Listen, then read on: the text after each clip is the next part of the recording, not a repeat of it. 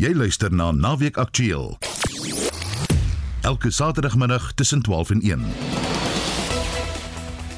In die program duisende Amerikaners vaar die strate in na beslissing deur die FSA se hoogste hof dat vroue nie meer self oor aborsies kan besluit nie. Die onwettige stakings by Eskom is onder die vergrootglas en die kick your habit veldtog is byna verby, maar hoe maklik is dit of hoe moeilik is dit om verslawing af te skud?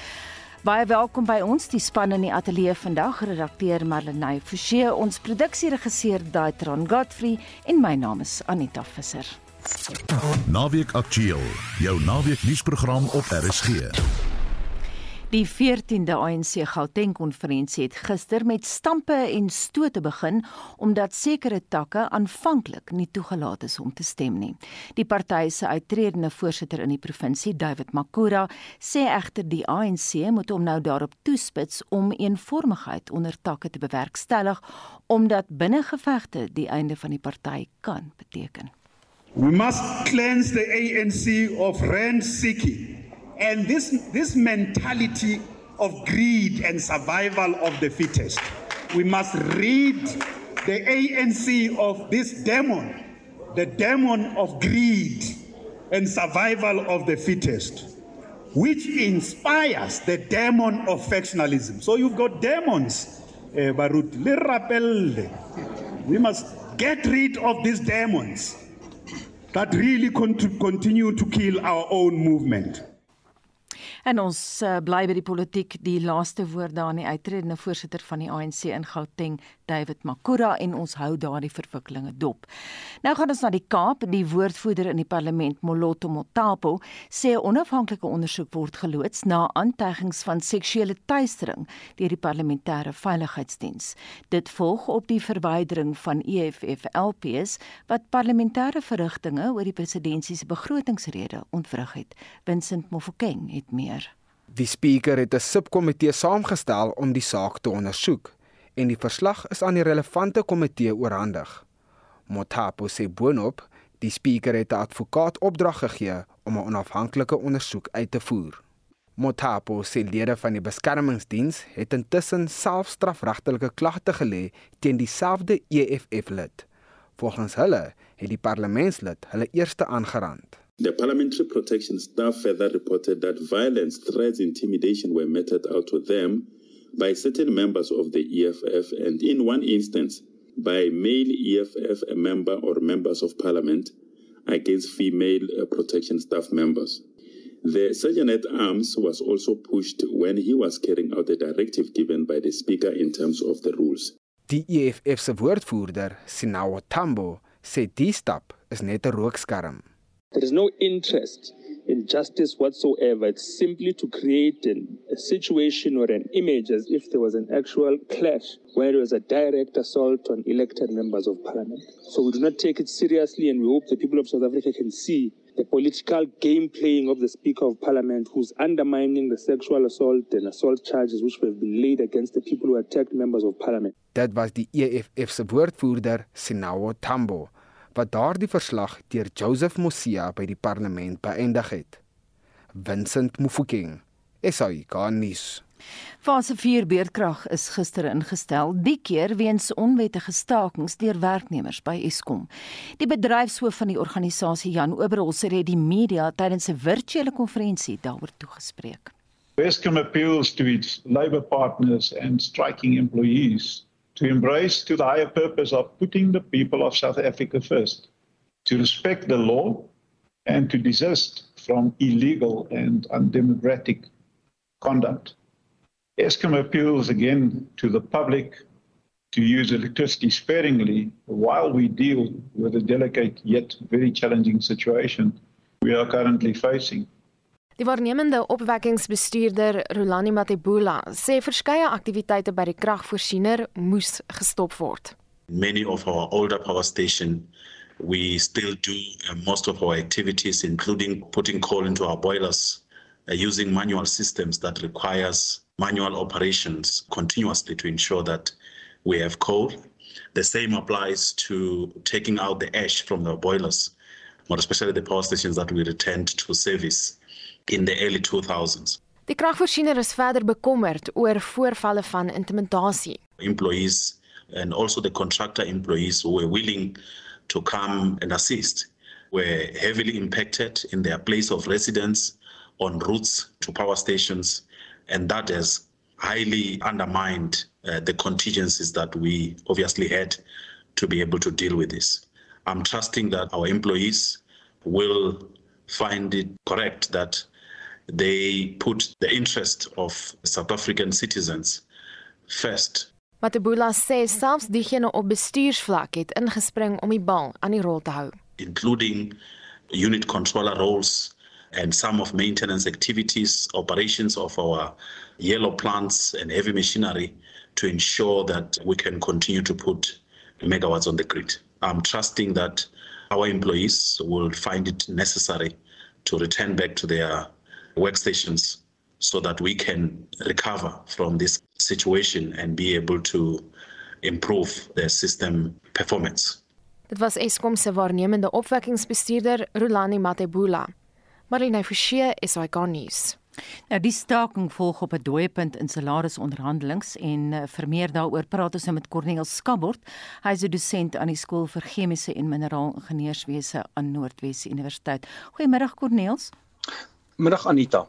Weereens beerdkrag fase 4 nog al maar weens 'n ander rede. Is jy verbaas? Wel, die staking kon nie op 'n slegter tyd gekom het nie want ons is vas nou in 'n lekker koue greep in Suid-Afrika en gevolglik is die vraag na elektrisiteit aansienlik hoër. En hier's 'n klein handjievol werkers by Eskom wat daartoe lei dat 'n baie groot risiko nou op die tafel is dat noodsaaklike instandhouding nie gedoen kan word nie en gevolglik sit ons met met beerdkrag 4 so dit dit verbaas my nie. Hoeveel beweegrede het Jan hulle gehad om hierdie ding te bestuur? Wel, ons moet weet dat Eskom lewer 'n noodsaaklike diens. So die feit van die saak is geen werkers mag staak by Eskom nie. Dis net so in die mediese veld. Hulle mag nie staak nie. Maar wat hmm. interessant is, ek ek het nou 'n artikel gelees 2018. Dis letterlik asof dit 'n kopie is. Al is daar word tussen die lyne kan mens sien Nomsa en NEM en Solidariteit niemand het formeel gesê ons gaan staak nie. Dit het laas wel gebeur. Um, maar wat wat nou gebeur is Nomsa en NEM hulle trek net hulle skouers op. Hulle sê ons het nie gesê die mense moet staak nie. So dis nie 'n probleem. Aan die ander kant hulle het ook nie die werkers veroordeel nie. Wat hulle wel net sê is is luisterie ons ons simpatiseer met die werkers wat wel wil staak. So hoeveel gedoen kan word, dit weet ek nie dat dit wel onwettig is, dat dit nie 'n beskermde staking is nie. Dit is feite dat daar moet ingrype wees van nasionale regering. Dit sou ek dink sou nodig gewees het. Ek wil net vinnig terugkom na die beweegruimte wat die bestuur van Eskom het. Wat sou jy doen as jy in hulle skoene was? Dis dis 'n baie moeilike situasie. Ek vir my beroep gedoen het op die ministerie wat bo my aangestel is en ek sal dink dat gegeewe die kritieke rol wat Eskom juis op 'n tyd soos nou in Suid-Afrika speel, dat daar moet ingrype wees van die sentrale regering om hierdie hierdie probleem die hoof te bied, want hierdie probleem kan nie so aangaan nie dat 'n handjievol mense basies die hele Suid-Afrika gijslaar hou. Dit is nie vir my aanvaarbaar nie. Cornelius in Johannesburg byvoorbeeld, ek weet nie hoe lyk dit in ander stede nie, maar kragonderbrekings duur lank na beurtkrag voort en dis in verskeie woonbuurte. Hoe lank kan die infrastruktuur in die stad dit nog uithou? Wel, die infrastruktuur is nie ontwerp om aan en af die hele tyd gesit te word nie. So hoër die fase beerdkrag, hoe meer word dit aan en af geskakel. So dis transformators, dit is kabels, dit is al hierdie infrastruktuur lê daaronder. So wat ons sien is met die verhoogde fases in beerdkrag, beteken dit dat ja, presies wat jy sê, dat al is dit dan fase 4, beleef baie mense dalk fase 8, mm. maar dit is nie direk as gevolg van Eskom nie. Dit is net as gevolg van infrastruktuur wat dit nie kan hanteer nie. So dit is ongelukkig 'n samevlansing van 'n klomp probleme en dit maak dit ons kry wat ons het. Baie dankie en daai waarskuwing kom van Corneel Skabort, hy is 'n dosent aan die skool vir chemiese en mineraalingenieurswese aan Noordwes Universiteit. En nou verskuif ons die aandag na die buiteland. Duisende ton graan is gisterand in verskeie hawens in Oekraïne weens die oorlog. Dit het Turkye genoop om met die Putin-regime te praat oor 'n kompromis om die graan uitgevoer te kry. Intussen het Ankara die week aangekondig dat 'n Turkse droë vragskip, die Azov Concorde, toegelaat is om Mariupol te verlaat. Dis die eerste buitelandse skip wat sedert die begin van die konflik op 24 Februarie die toestemming gekry het. Nou naweek aktueel het professor Dirk Coetzee van Unisa, 'n deskundige op die gebied van Turkye gevra of die vergunning gaan voortduur.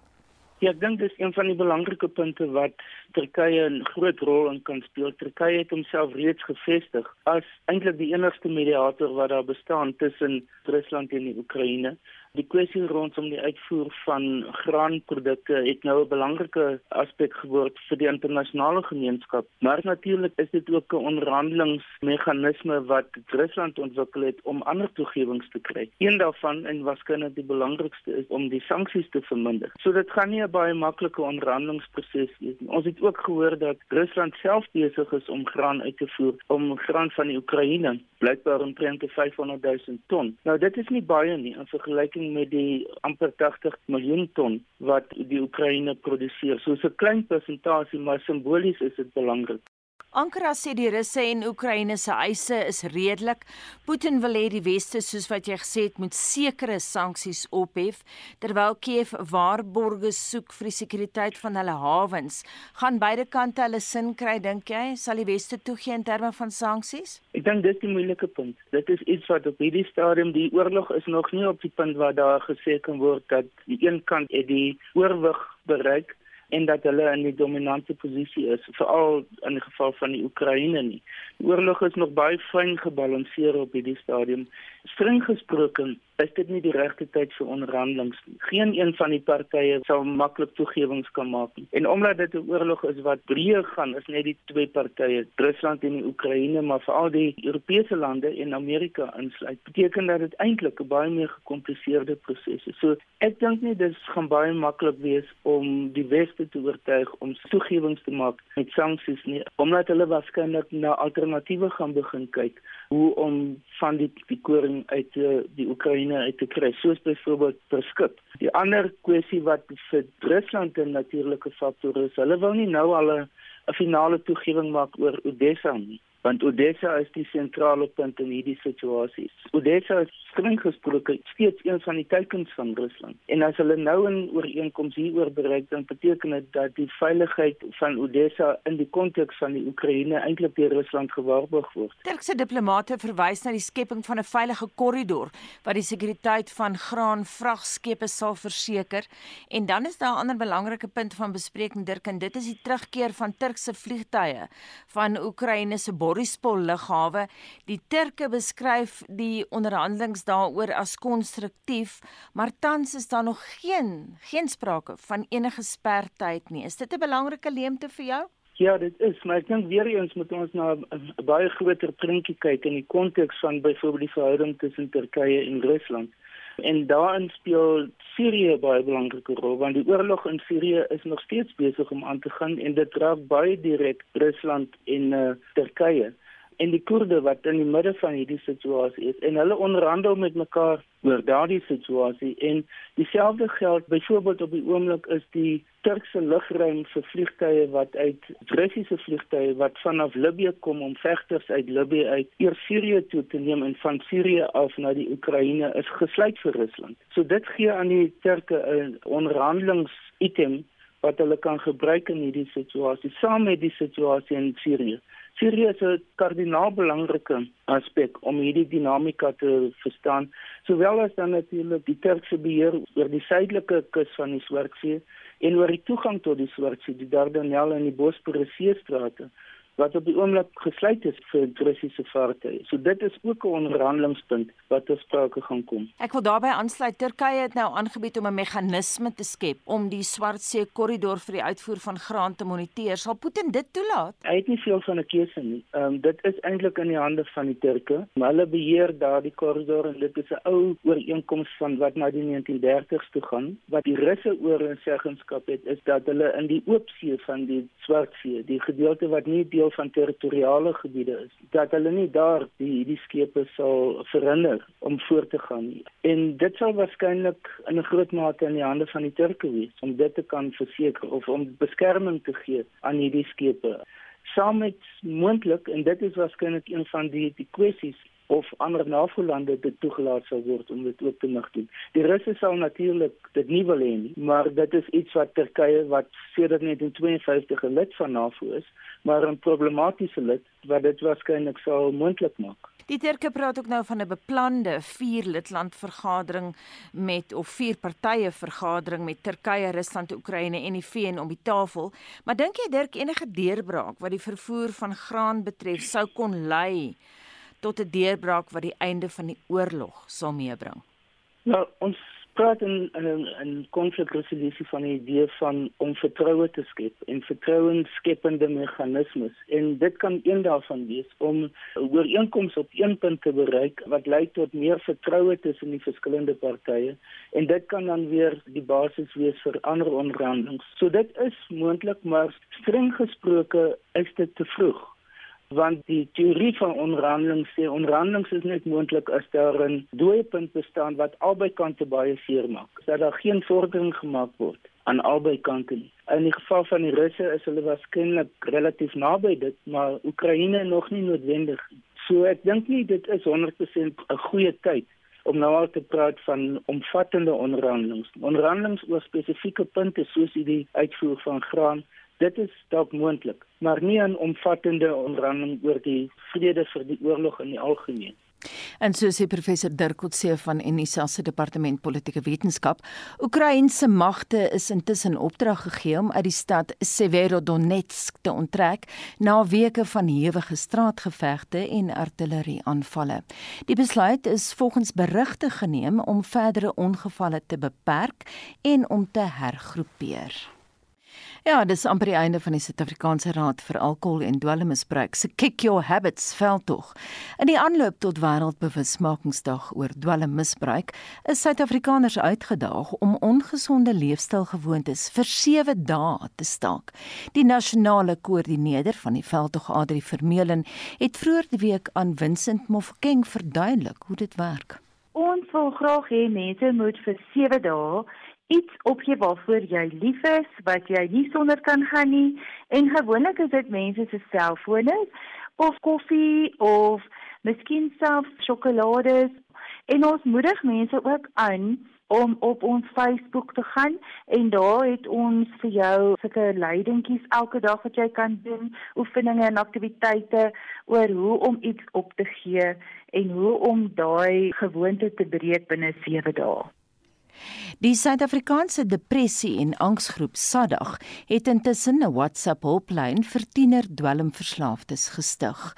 Dit nadat telefoon en selfoonoproepe hieroor die afgelope 2 jaar met 107% gestyg het.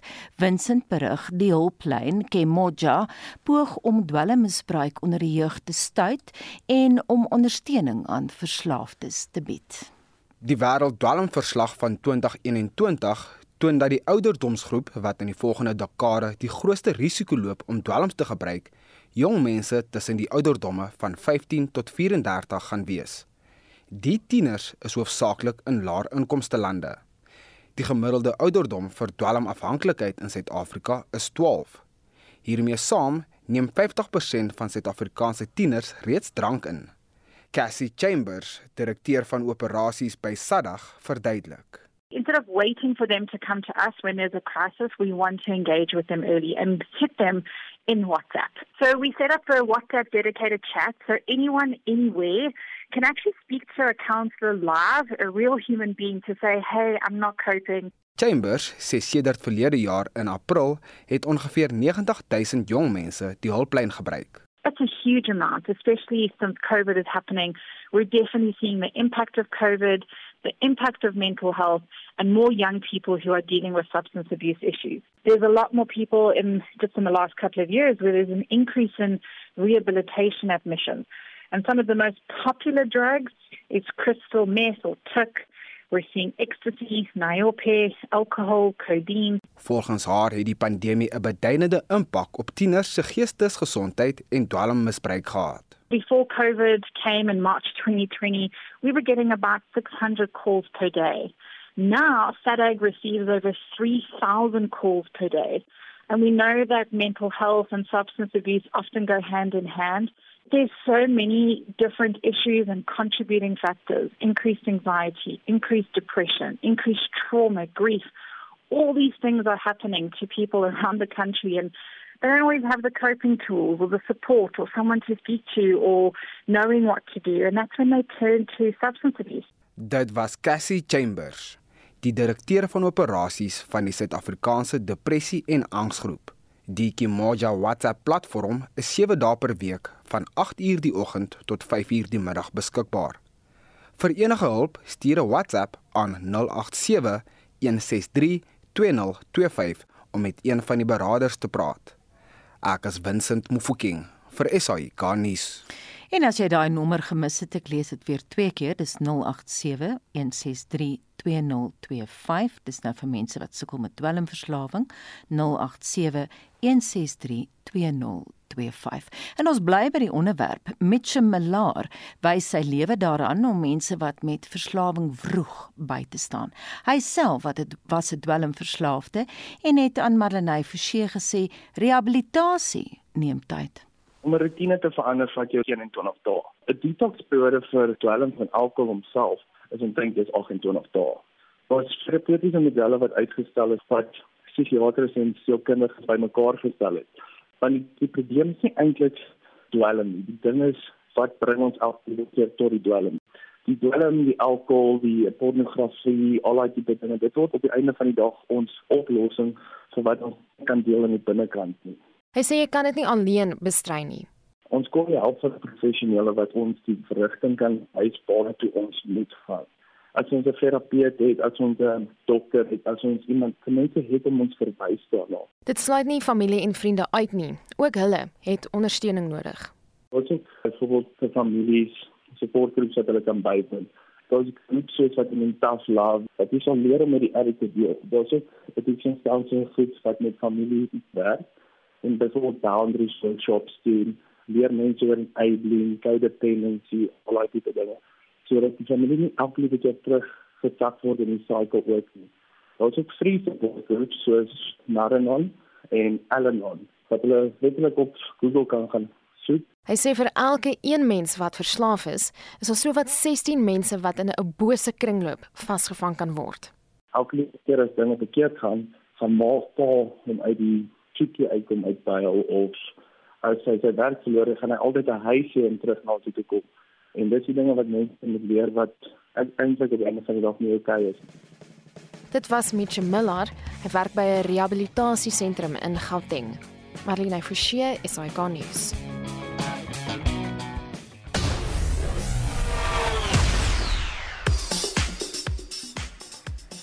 En dit beteken dis tyd vir sportnuus met Christo Gawie. Hy sluit ons aan met die heel jongste rugby en dan ook swemnuus. Goeiemôre Christo.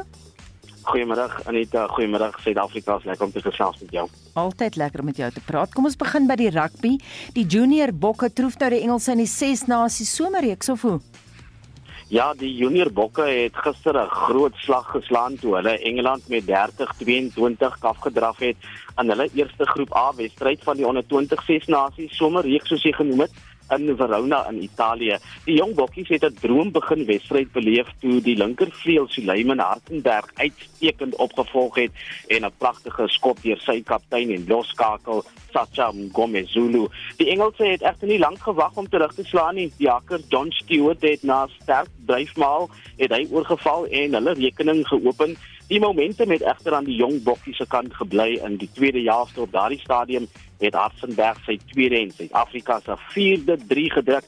Die Suid-Afrikaners draf Dinsdag teen Frankryk uit in hulle volgende kragmeting terwyl Engeland en Ierland mekaar takel.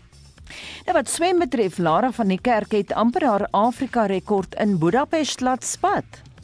Ja, die Suid-Afrikaanse swemmer het binne 500ste van 'n sekonde daaraan gekom om haar eie Afrika rekord te verbeter. Sy het gister haar uitdin in die 50 meter borsslag in 29.77 sekondes by die wêreldkampioenskap het sy gewen.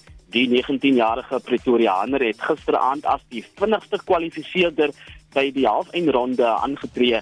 Sy was een van net twee swemmers wat 'n tyd onder 30 sekondes kon aanteken.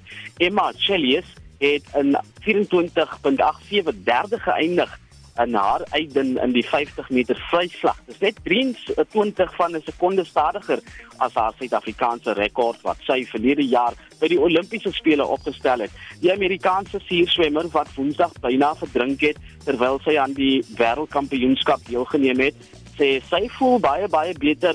Dis die 25-jarige Anita Alvarez sy daar bewussyn verloor terwyl sy in die swembad was en is net betydsteur haar afrigter Andrea Fuentes. Sy uh, te hulp gesnel. Fuentes het uh, in die swembad gespring toe sy sien hoe Alvarez teen die einde van haar laaste solo vrystel roetine begin sink het sy het langs die swembad mediese behandeling gekry voordat sy op uh, dragbaar weggeneem is. Sjoe, dramaties en dan Christo die wedstryd op almal se lippe. Die Karibeker finaal tussen die Pumas en die Griquas, dit vind in Kimberley plaas. En nou gaan ek jou vra, wat is jou voorspelling? uh, uh, Jimmy Stonehouse se ervaring uh en uitgeslaapenheid as afrigter kan uh, die Pumas 'n belangrike voordeel in vandag se eindstryd van die Karibeker reeks teen die Griquas in Kimberley gee. Die Pumas het die WP van Jaren Kaapstad geslaan met 37-11, maar toe later in die seisoen in Bombela teen die streep uh, treye vasgeval het met 23-17. Die Pumas is redelik uh, stabiel op verdediging sou ek sê en hulle skopspel is goed. Die twee spanne, hulle weeg ook baie goed op teen mekaar.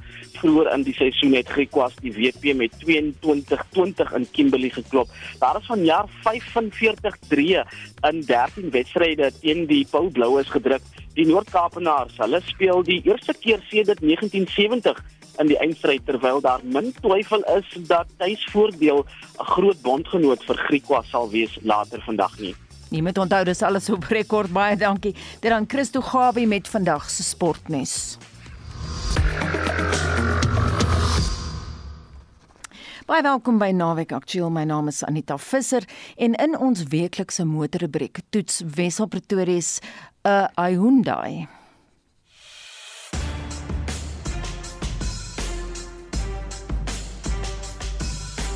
Hyundai se kompakte Creta kruisvoertuig vanuit Indië is nou ook in 'n langer weergawe beskikbaar. Hy word die Grand Creta genoem met 'n wielbasis 15 cm langer as die gewone Creta en in geheel 20 cm langer. Ek het die Grand Creta topmodel gery, die Elite 1.5 turbo diesel. 2 liter petrolmodel is ook beskikbaar. Wat die Grand Creta spesiaal maak in hierdie klas met 'n lengte van 4.5 meter is dat hy 'n derde ry sitplek het. Wel net vir klein kinders bedoel, maar die middelste ry kan 1/3, 2/3 vorentoe en agtertoe skuif wat vir jou derde ry meer beenspasie kan gee. Die sitplek is met leer oorgetrek en die bestuurdersin is elektries verstelbaar. En dan kan die twee voorste sitplekke ook verkoel. Ah, en hier's 'n ander luukse wat spesifiek op die Elite model kom, 'n tamaai groot sondak. Die dakgedeelte skuif omtrent oor die hele lengte van die dak oop wat jou 'n glasdak gee, maar dan kan die voorste helfte heeltemal oop skuif. Jy kry 'n digitale instrumentpaneel wat in die normale voorkoms vir jou 'n tradisionele spoedmeter en toereteller en dan jou ander inligting onder en in die middel gee. Maar interessant, sodra jy byvoorbeeld die ruitveers of ligte verstel, verander die toereteller vir 'n paar sekondes om te wys wat jy gedoen het. En dan sodra jy klaar is met die aksie, keer hy onmiddellik terug na die toereteller. Aanskakeling met die druk van 'n knop. En saam met 'n tribeeld kry jy ook drie sensors. As ook sensors voor. Jy kan ook by die draai van 'n knop kies watter traksie jy wil hê. Jy kan kies tussen sneeu, sand of modder. Verder het jy ook drie modusse waarin jy kan kies tussen gerief, eko of sport. En die virtuele instrumentpaneel verander dienooreenkomstig die stelling wat jy kies. Soos mens verwag is hier by die derde ry opgeslaan slegs plek vir 'n paar winkelsakke met die derde ry plat geslaan skep jy 'n groot bagasiebak. Interessant, selfs vir die derde ry het jy weerskante laaipunte vir jou elektroniese toerusting en ventilasiegate en 'n skakelaar waarmee jy jou waierspoed bepaal. Die spaarwiel sit heel onder aan die buitekant. Die Grand Creta se kajuit voel solied en kom netjies voor en is rondom gerieflik. Hy het 6 ligsakke en stabiliteitsbeheer. Die 1.5 turbo diesel lewer 85 kW en 'n stewige 250 Nm wrinkrag van so laag as 1500 toere, gekoppel aan 'n 6-spoed outomatiese ratkas.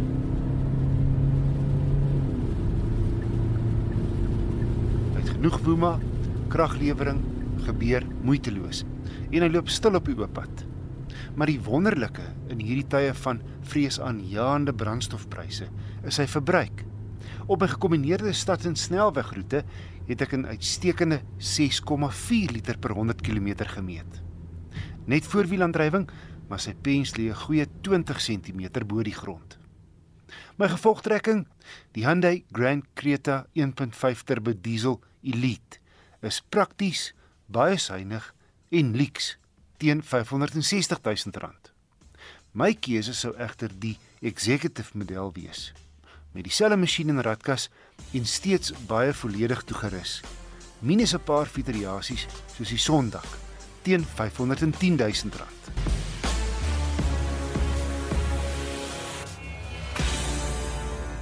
En dit was Wessel Pretorius. Naweek Aktueel, jou naweek nuusprogram op RSG. Leiers van die BRICS-lidlande het 'n verenigde front voorgehou op die laaste dag van die beraad in Beijing gister. Daar's geensins verwys na die konflik in Oekraïne nie. Nou vir haar mening daaroor, praat ons nou met uh, Dr. Ina Gous van die Departement Politieke Studies en Regeringskunde aan die Universiteit van die Vrystaat. Goeiemôre. Goeiemôre. En nou steeds niks oor die oorlog nie. Uh, baie interessant want daar is uh, dis die olifant in die kamer, nê, die wit olifant. Ja kyk die die oorlog is in in jy weet so genoem in die verbygaan. Ehm um, uh ek dink die leiers het seker op 'n stadium besef om dit heeltemal te ignoreer gaan nie help nie. Ehm um, jy weet dit soos hy sê dis 'n baie groot olifant in die in die kamer. Die groot probleem is wel dat uh Rusland uit die aard van die saak nie behoorlik aangevat is of hulle hulle hulle hulle uh, jy weet aandeel in die feit dat die invloed van die die oorlog in Oekraïne geweldige ekonomiese impak op veral ontwikkelde lande het nie. Daai aspek is nie eers, jy weet, aangeraak nie en dit wil blyk dat Rusland self enige, jy weet, ekonomiese eh, toestand wat as gevolg van die oorlog gebeur as gevolg van die sanksies is wat teen hulle ingestel is en nie hulle self nie. Mm. Ehm um, en en dit is nie aangespreek of of jy weet uh, jy weet uh, hanteer behoorlik nie. Daar's 'n baie sterk anti-westerse sentiment by die konferensie. Ons sien Suid-Afrika loop toenemend daai pad. Ons het ook dit in die VN gesien. Ja, nee, dit is baie duidelik. Ehm um, jy weet al alhoewel jy weet Unie se uh, eerste minister gesê het hy wil nie in 'n anti-westerse jy weet uh, situasie betrokke raak by die BRICS nie, maar uh, dit is baie duidelik en as mens ook kyk na die mense wat hulle uh, of lande wat hulle genooi het om ook deel te neem, ehm um, is is lande wat oor die algemeen anti-westerse sentimente het en wat hulle dalk later in BRICS wil inbring. Ehm um, wat ook interessant is met hulle het uh, lank uh, jy weet uh, probeer om om nie daai pad te neem nie en om BRICS groter te maak nie, maar uh, hulle sien dit nou as 'n uh, ideale geleentheid om om hierdie blok groter te maak en om 'n uh, nuwe jy weet 'n wending te laat neem uh, vir vir ekonomiese beleid en sekere sosiale beleid. Mm -hmm. En dan baie groot nuus vir oggend uh, die hofbeslissing Roe versus Wade dit strek terug na 1974 toe. Dit is nou tersyde gestel maak baie groot nuus op elke TV-kanaal waarna jy kyk vir oggend. Groot massa betogings in verskeie Amerikaanse state. Ek het ver oggend gekyk na wat gebeur in New York en in Los Angeles en mense is baie ontstel ook baie verdelend onder Amerikaners ina of hoe. Ja, dit is en as ek dink uh, uh, baie as gevolg van daai verdeling dat hierdie uitspraak gekom het um, om mee te begin. Jy weet daai verdeling het al dieper en dieper geraak die laaste paar jaar. En ehm um, daar is uh, met groot afwagting gekyk na hierdie uitspraak of gewag vir hierdie uitspraak en gedink gehoop dat uh jy weet uh, sanity sal heers as ek dit so kan stel en dit het nie. Ehm um, groot teleurstelling, groot skok, ehm um, veral van die konservatiewe regters wat onderneem het om nie aan Rowes as hy te vat tydens hulle ehm um, jy weet uh, onderhoude nie. Ehm um, wat hulle diep teleurgestel het. Ehm um, en en wat almal nou skielik verskriklik verstom is oor. Uh mhm. -huh. Wat baie mense gesê het gaan kom. Ehm um, jy weet as gevolg van hulle aanstelling. Maar ja, die die die impak hiervan is baie groot en die gevolge hiervan gaan nog groter wees vir veral vir vrouens en hulle gesondheid. Inderdaad, vir my baie interessant is dat daar internasionale reaksie was. Die Spaanse, Skotse en Franse leiers het hulle skerp daarteen uitgespreek. Dis 'n uitsonderlike stap soos jy wel weet. Dit gebeur nie in internasionale diplomatieke kringe nie dat een land 'n ander se huishoudelike sake kritiseer nie. Wat sê dit vir ons? Ja, dit sê dat die die, die impak wat hulle wat hulle ook weet dalk kan uitkring na hulle lande toe van van uit sekere konservatiewe groepe.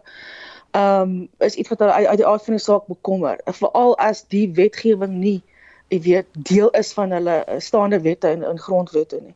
Ehm um, maar ja, daar was oor oor Europa heen ehm um, uh, geweldig daartoe uitgespreek en natuurlik ook van Kanada se kant af ehm um, die die die die golwe wat skokgolwe wat dit gestuur het is nogal groot selfs in Suid-Afrika. Ek weet die debatte hier onder plaaslike mense is nogal groot wat dit aanbetref ook en daar's geweldige dankbaarheid vir ons eie grondwet. Baie dankie en so sê Dr Ina Gous van die Departement Politieke Studies en Regeringskunde aan die Universiteit van die Vrystaat. Die afgelope donderdag 23 Junie was dit 28 jaar gelede dat Suid-Afrika weer toegelaat is om lid te word van die Verenigde Nasies se Algemene Vergadering na sy skorsing op 12 November 1974. Die SAIK se klankargief het die gebeure geleaseer. Ons is vry was die openingswoorde in New York van Suid-Afrika se minister van buitelandse sake Alfred Nzo. Die destydse president van die 48ste sitting van die algemene vergadering, die Ghanese diplomaat Sam Insanali, was deeglik bewus van die historiese belang van Suid-Afrika se terugkeer tot die VN se algemene vergadering. At a time when the organization is frequently criticized for failure to adequately address the world's many problems, let us not forget that it was the moral voice of this assembly that called incessantly for the freedom of the oppressed peoples of South Africa. No one who had the privilege of attending the inauguration of Mr. Mandela as state president could fail to be impressed by the joyous zeal with which the South African people greeted their new life. Op sy beurt het die VN-sekretaris-generaal Boutros Boutros Ghali, wat die posisie tussen 1992 en 1996 bekleed, Suid-Afrika met oop arms terug verwelkom.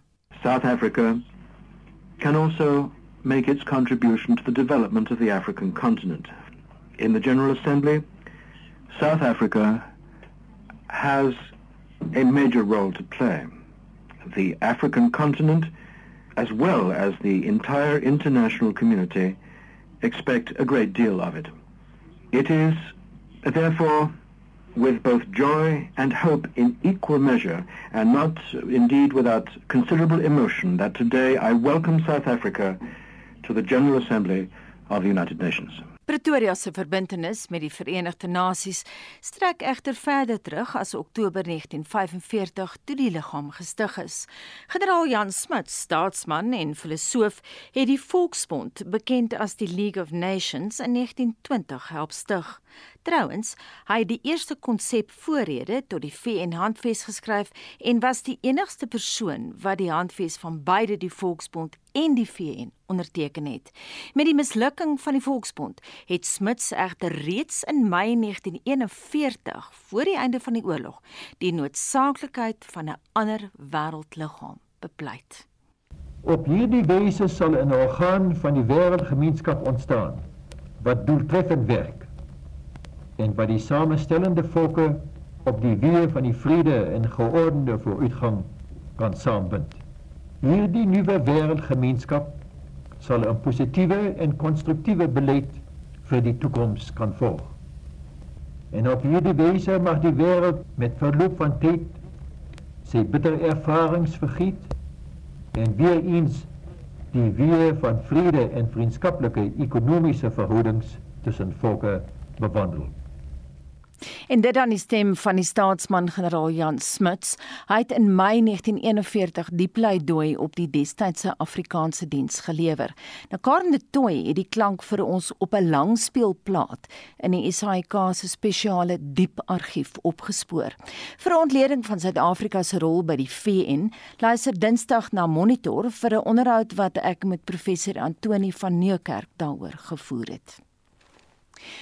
Môre, dis nou 26 Junie 1902, sal dit presies 120 jaar gelede wees dat die eerste van baie boere krygsgevangenes Sint Helena Eiland verlaat het en teruggekeer het Suid-Afrika toe. Dit het gevolg op die vrede van vereniging wat op 31 Mei gesluit is en so 'n einde aan die Anglo-Boereoorlog gebring het. Maar hoe diep lê die spore van die krygsgevangenes nog in Sint Helena? Anne-Marie Jansen van Vuren het gaan uitvind. 'n sosiale antropoloog by York Universiteit in Toronto, Kanada, Daniel Jon, sê hy het as 'n jong kind in die Anglo-Boereoorlog begin belangstel terwyl hy op Sint Helena Eiland groot geword het. Sowat 6000 boere is op Sint Helena aangehou en sowat 200 boere is op Sint Helena begrawe. Volgens Jon het die historiese gedenktekens hieroor hom van kleins af bekoor en in latere jare het hierdie belangstelling in sy navorsing uiting gevind. When I was a history teacher many years ago on the island, I took a party of school children who were aged 13 to 14 to the Boer Cemetery as part of a unit on the Anglo-Boer War that I was teaching. And, you know, it was a very special afternoon. And even though it was probably 40 years and more ago, it kind of has always stuck with me. Because one of the things I decided to do was to have students choose a number from the column, a number and a name of a particular prisoner, and then go and sit on the grave of that particular prisoner and contemplate his life, reflect upon it, scribble whatever notes they wanted to scribble, and then turn it into poetry. and they produced these beautiful, beautiful poems, which I put into a little booklet. Jon sê hierdie gedigte het as inspirasie gedien vir 'n eksperimentele navorsingsstuk waaraan hy dekades later sou werk. Also in that little booklet were three or four poems that were written by Boer prisoners themselves on the island. The second thing I wanted to do was to show some images of the artifacts that were produced on the island by the prisoners. Of course, there were thousands of these artifacts produced. And my presentation shot these images of these objects on the screen whilst I was reading the poetry. So I wanted my audience to kind of have a conversation between these two works of art, poetry, and the objects that the Boer prisons were making. Nadat die vrede van vereniging gesluit is, is die boeregevangenes teruggestuur na Suid-Afrika. Jon sê al is die begrafplaas en gedenkteken steeds daar ter nagedagtenis, is die Anglo-Boereoorlog vir eilandbewoners slegs 'n stukkie geskiedenis. These histories and stories have their moments, and there's been quite a lot of Afrikaans folks visiting the island in recent years, and many of them were involved in the construction of the airport. So that sort of revived an interest in the war. But I wouldn't say it's heavily present. But what I will say, there's something very, very thoughtful about the beautiful cemetery in which these men were interned. And I think that alone is worth a visit to the island. Dit was Daniel Jon, 'n sosiale antropoloog by York Universiteit in Kanada. Ek is Anne Marie Jansen van Vuren vir SAK nuus. Kuiberg gaan betaal nou 'n prys vir 'n paar goed. Al die waarskuwings wat gegee is, is doeteenvoudig in 'n politieke konteks geïgnoreer. Is die gevolg daarvan nie net kolomme op 'n Excel spreadsheet wat nie mooi klop nie.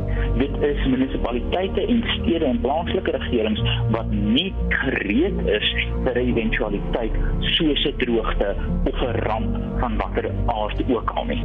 Kommentaar Sonde aande tussen 8 en 9 net op RSG. Jy luister na Naweek Aktueel elke Saterdagmiddag tussen 12 en 1. Is jy nuuskierig oor die rolprent First Love en die jongste Elvis Presley biografie? Draai die volume knoppie 'n bietjie harder want Leon van Heerop hou nie terug op sy kritiek nie.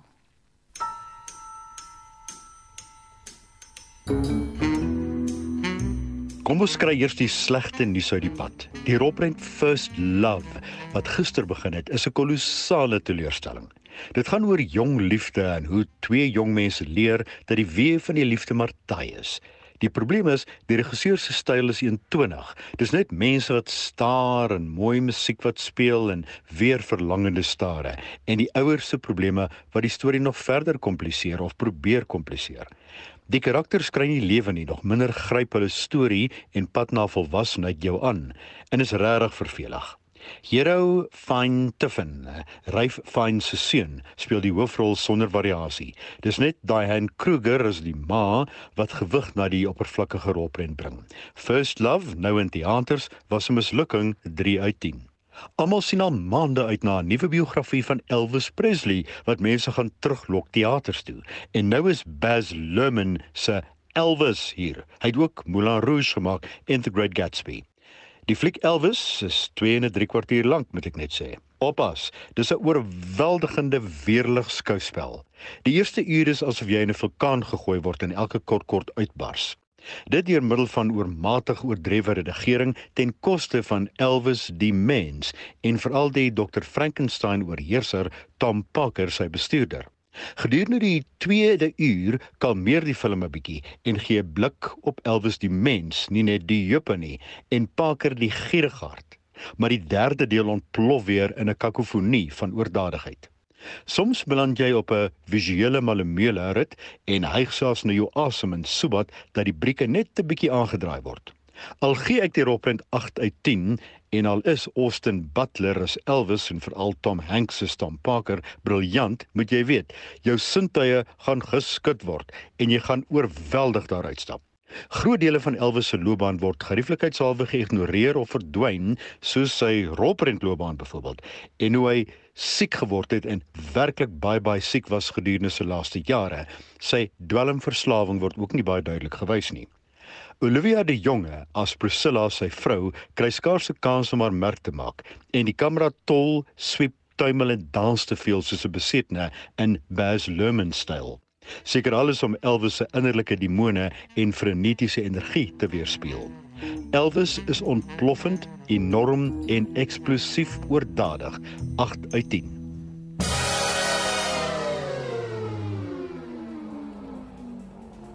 En ons eindig met ons geliefkoeste hooffliek vloei Leon van Heerop. Onthou as jy weer na enige van die bydraes wil luister, gaan besoek ons sosiale media platforms. Belangrik, sosiale media platforms. Ons laai die skakel na die potgooi later vandag op ons Facebookblad en ons Twitter rekening af. So baie dankie dat jy saam geluister het en onthou as jy iets geniet het en jy wil hê jou buurman of buurvrou moet saamluister, gaan na daai blaaie. En daarmee groet ons namens ons uit uitvoerende regisseur uh, Nicoline de Wee. Die vrou in die warm stoel vandag was Marlenae Forsie en ons produksie regisseur Daitron Godfrey. My naam is Anita Visser. Geniet jou naweek.